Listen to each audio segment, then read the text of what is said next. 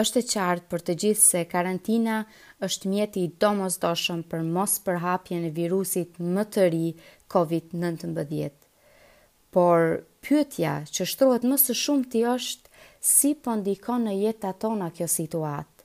Si po ndikon kjo në shëndetin tonë mendor? Gjendja aktuale na ka vendosë në kushte të veçanta, dhe për këtë arsye të gjitha mekanizmat e reagimit tonë do të duhen të përshtaten me këtë situatë të pazakontë që sistemin tonë nervor e gjeti të papërgatitur dhe të alarmuar për sa kohë që kërcënimi fizik është aq pranë sa dhe impakti psikologjik.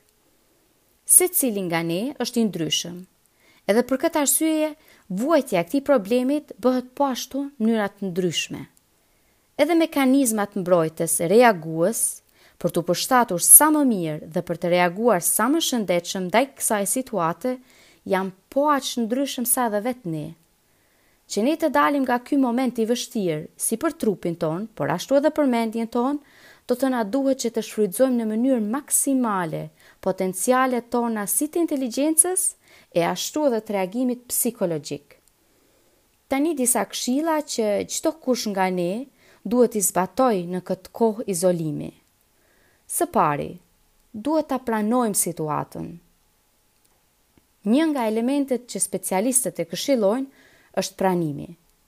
Që të pranosh situatën ku ndodhesh do të thotë që t'i shmangesh të paktën një konfliktit psikologjik midis mundësive që ke edhe realitetit që duhet të përballesh.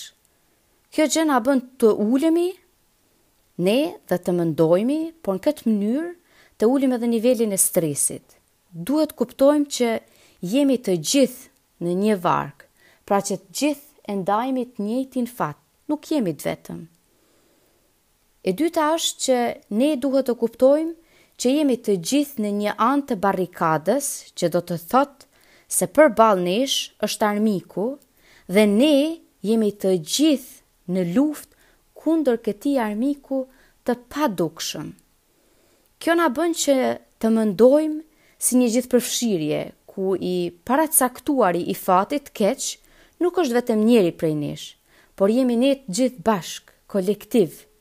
Dhe kjo krijon atmosferë sa më tolerante. Nga ana tjetër duhet të krijojmë një atmosferë sa më tolerante edhe brenda familjeve tona, Dihet që në kushtet e stresit akut, acarimi është një nga shenjat më frekuente, gjë që mund të çojë në përkeqësimin e raporteve ndërpersonale dhe konflikteve brenda familjeve.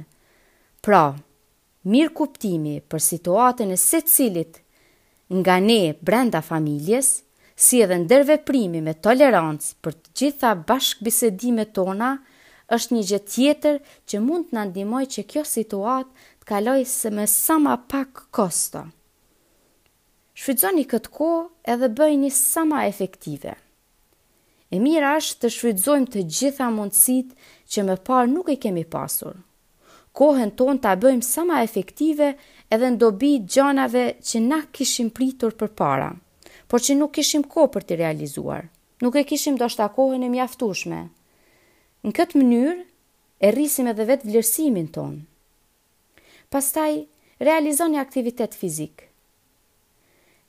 Aktiviteti fizik është i domosdoshëm, por duhet të improvizohemi me ushtrime të ndryshme në shtëpi, të cilat edhe mundësojnë shkarkimin e adrenalinës, që quhet ndryshe dhe hormoni i stresit.